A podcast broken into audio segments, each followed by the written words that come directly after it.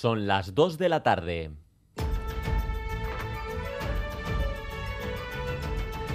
Crónica de Euskadi.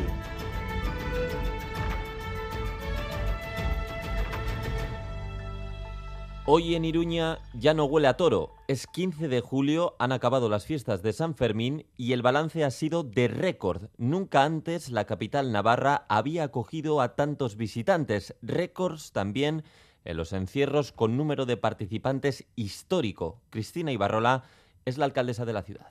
Hemos tenido unos Sanfermines llenos de récords. Hemos batido registros de visitantes en corredores del encierro, en asistencia a la plaza de toros, en el uso de transporte público o en asistencia a determinados conciertos. ¿Qué tal están Racha León? San Fermines de récord, mejores que los de antes de la pandemia en cuanto a cifras de ocupación se refiere, porque este año tampoco nos hemos liberado de la violencia machista, Agustín Sarrenandía. A León sí, pero la alcaldesa Cristina Ibarrola destacaba que no ha habido incremento de denuncias en respecto al año pasado. Ha sido un número similar, 18, de las cuales 17 han sido denuncias por tocamientos. Además, un 70% de los autores de esas agresiones han sido detenidos y puestos a disposición judicial, lo que pone en valor, ha subrayado Ibarrola, la labor realizada por las fuerzas de seguridad. En cualquier caso, las denuncias por agresiones sexistas suponen una parte mínima del total de denuncias presentadas estos Sanfermines, han sido 1.946, de las que tres cuartas partes han sido por delitos menores como hurtos. Hoy además ha arrancado una nueva OPE de Osakidecha. 109.000 personas se han inscrito en unos exámenes que se alargarán hasta noviembre. Hoy es el turno de seis especialidades, entre ellas la de rayos y auxiliar de enfermería. El objetivo, dotar de estabilidad a la plantilla en la mayor OPE de la historia en Osakidecha. Lo apuntaba la consejera Gozones Agardui. Se están convocando por encima de 11.000 plazas. Es la mayor oferta pública de empleo realizada por Osakidecha en toda su historia. Significa un tercio de la plantilla de Osakidecha.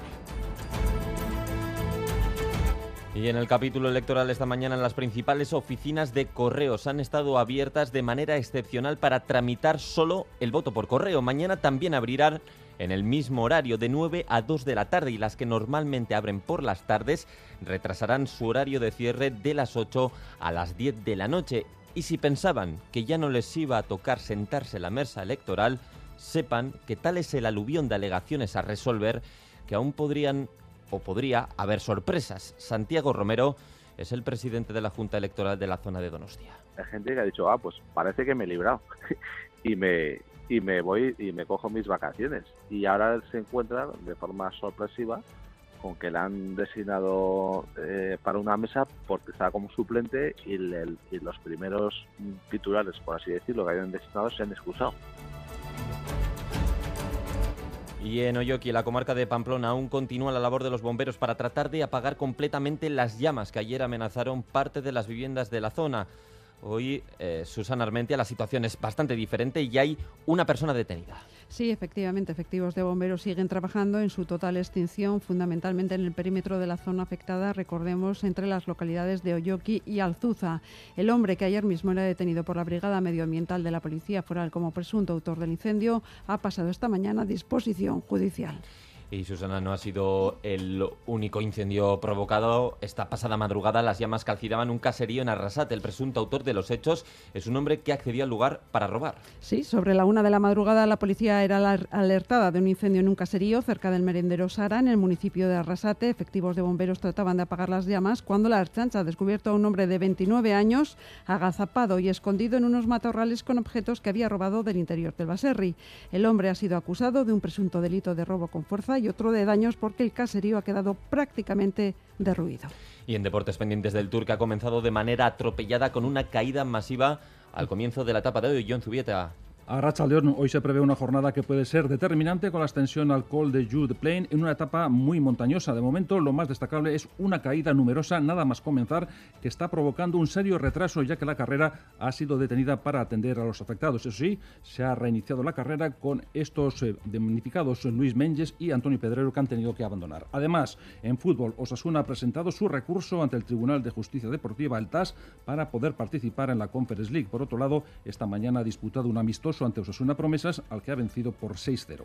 En cuanto al Deportivo Alavés, Víctor Laguardia ha anunciado que deja el fútbol a través de una carta en la que destaca su amor por el club de Gasteiz. Además, el Athletic ya está en México para disputar dos encuentros. La Real ha entrenado a puerta abierta en el Real Arena y el Amorebieta ha ganado 3-1 al Mirandés en Urrichi en el primer partido de la pretemporada. En Remo, Bilbao y Orio van a ser escenarios entre hoy y mañana de sendas pruebas de la Liga Euskolabel y Euskotren. En el primer caso, en la modalidad de contrarreloj. En baloncesto, hoy ha sido presentado Califa Diop, que va a reforzar el juego interior del Vasconia. Por otro lado, la Navarra, la Navarra Nayara Irigoyen, se ha proclamado campeona de Europa de skin running, carrera de alta montaña. Ha ganado el oro en la prueba del kilómetro vertical disputada en Montenegro y en tenis, Bondrusova y Javer van a disputar esta tarde la final femenina de Wimbledon y mañana tendremos a Djokovic y Alcaraz. Vamos ahora con el pronóstico del tiempo. Euskalmete, Gusquiñe y Turria, Zarracha León. A León, durante las próximas horas el viento del noroeste será intenso, sobre todo en Álava y en el valle del Ebro. El viento irá aportando nubosidad desde el mar, por lo que en la vertiente cantábrica seguiremos con abundante nubosidad. Además, puede llover un poco. En el sur también tendremos eh, nubosidad, pero estará más rota. Y en cuanto a la temperatura, nada que ver con la situación de ayer. Hoy las máximas en general no superarán los 25 grados.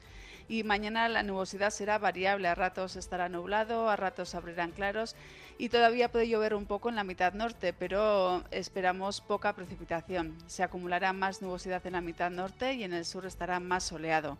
Seguiremos con viento del noroeste, además se intensificará por la tarde. Y en cuanto a la temperatura, apenas esperamos cambios. En el control técnico, Aitor Arrizabalaga y Joseba Urruela, comenzamos.